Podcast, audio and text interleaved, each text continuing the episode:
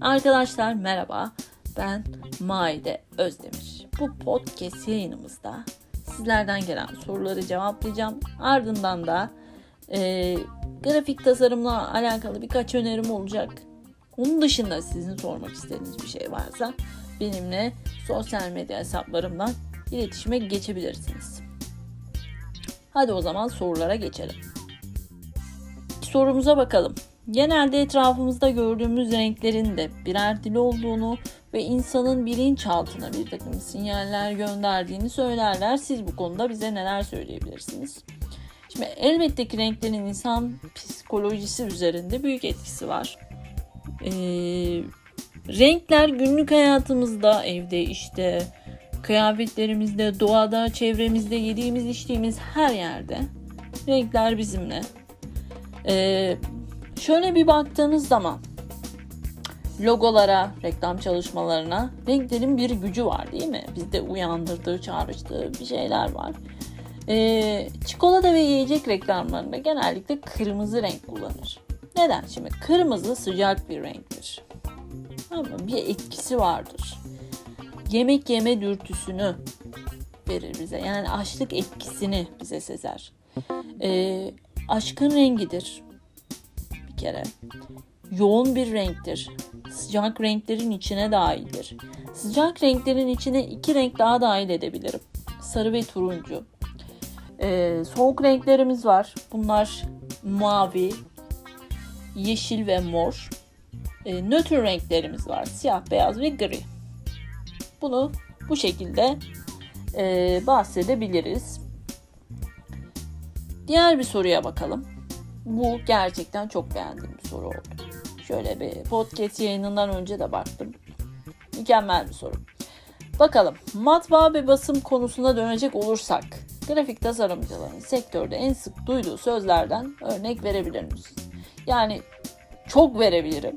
Ama bu işle uğraşan bir profesyonelin en başında bir kere de olsa maruz kaldığı özel bir jargon, müşteri ve tasarımcı arasında klasikleşmiş bazı kalıp cümleler vardır. Hani bir tasarımcı olup da bu cümleleri zaten duymayan yoktur.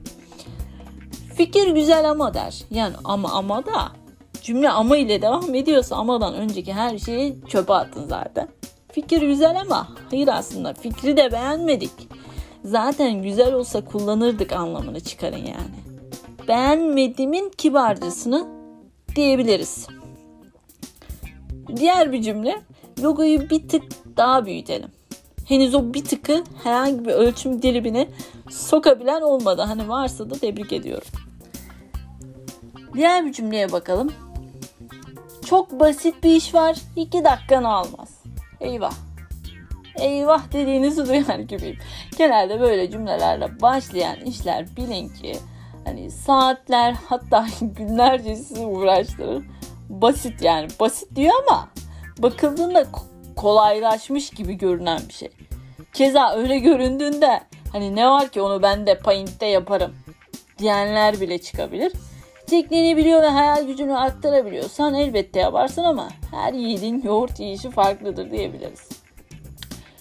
Diğer bir cümle. Buna aynısını benim yeğenim Paint'te de yapıyor. Kerata falan der böyle. Tabii yeğenin de ışık olabilir ama Paint'te bir tasarım programı değil. Hani vektörel çizim diye bir kavram var sonuç olarak. Her şey milimetrik çiziliyor tasarımda.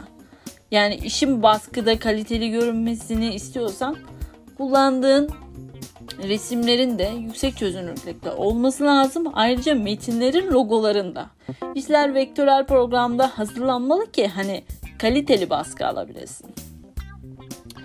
Bir diğer cümle e sen yap, senin yaptığını görelim önce sonra ne istediğimizi söyleriz biz. Bunu genelde iş görüşmelerinde hani almadan önce size bir böyle bir öne sürerler bu cümleyi.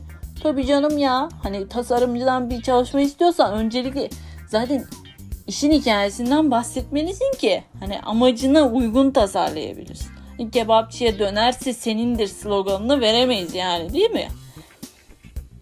Bir diğer cümle kullandığımız programları bilsem ben de yaparım.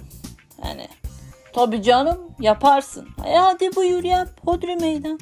Sen daha iyisini yapana kadar hani en iyisi bu. Öyle söyleyeyim sana. Bir de yani yaptığınız emeğe bir şey biçiyorlar ya ben ona sinir oluyorum. Bak mesela alt tarafı bir tasarım bu kadar pahalı olur mu ya?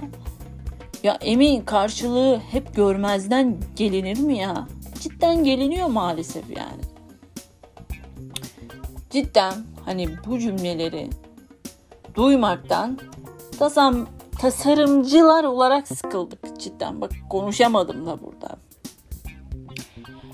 Ee, diğer bir sorumuza geçelim hemen. Peki grafik tasarımını nasıl ifade ediyorsunuz? Bu meslekle ilgilenenlere öneriniz neler? Şimdi e, tasarım bilinmeyene bir yolculuk.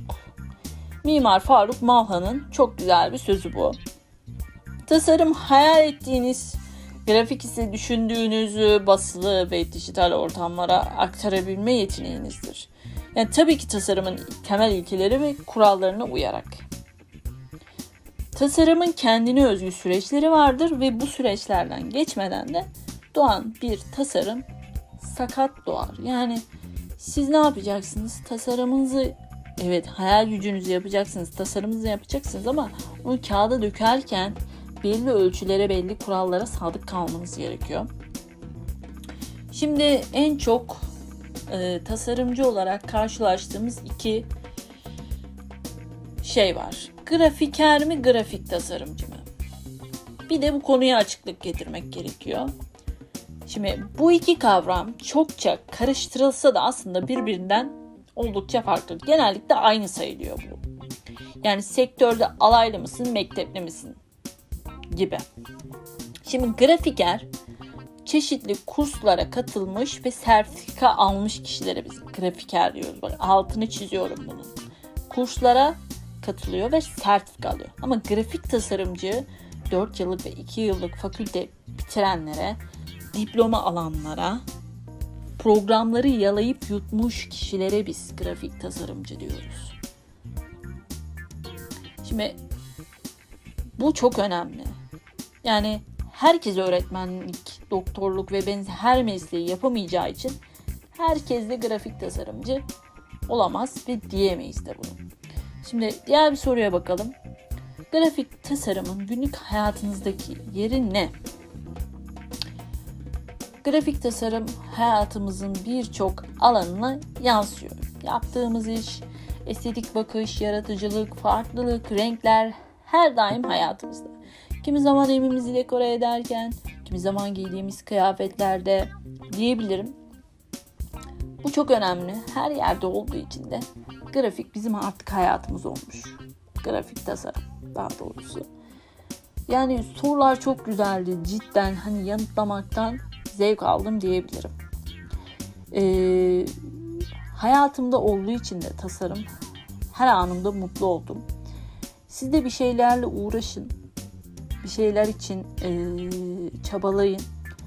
Ama emeğinizde karşılığını lütfen alın.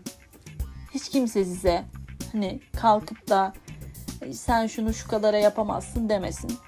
Ben o iş için uğraşmışım, yapmışım. Senin sorunu çözmüşsem de hakkımı almak benim görevim, hakkım, arayışım ne derseniz deyin. Yani teşekkür ederim beni dinlediğiniz için. Sorular cidden çok güzeldi. Başka sorularınız olursa da yanıtlamak istediğimiz ya da yardımcı olmak istediğim bir konularınız olursa lütfen bana sosyal medya hesaplarımdan yazabilirsiniz. Ben çok keyif aldım. Çok teşekkür ederim beni dinlediğiniz için. Bir sonraki podcast yayınımızda görüşmek üzere. Kendinize iyi bakın. Hoşçakalın.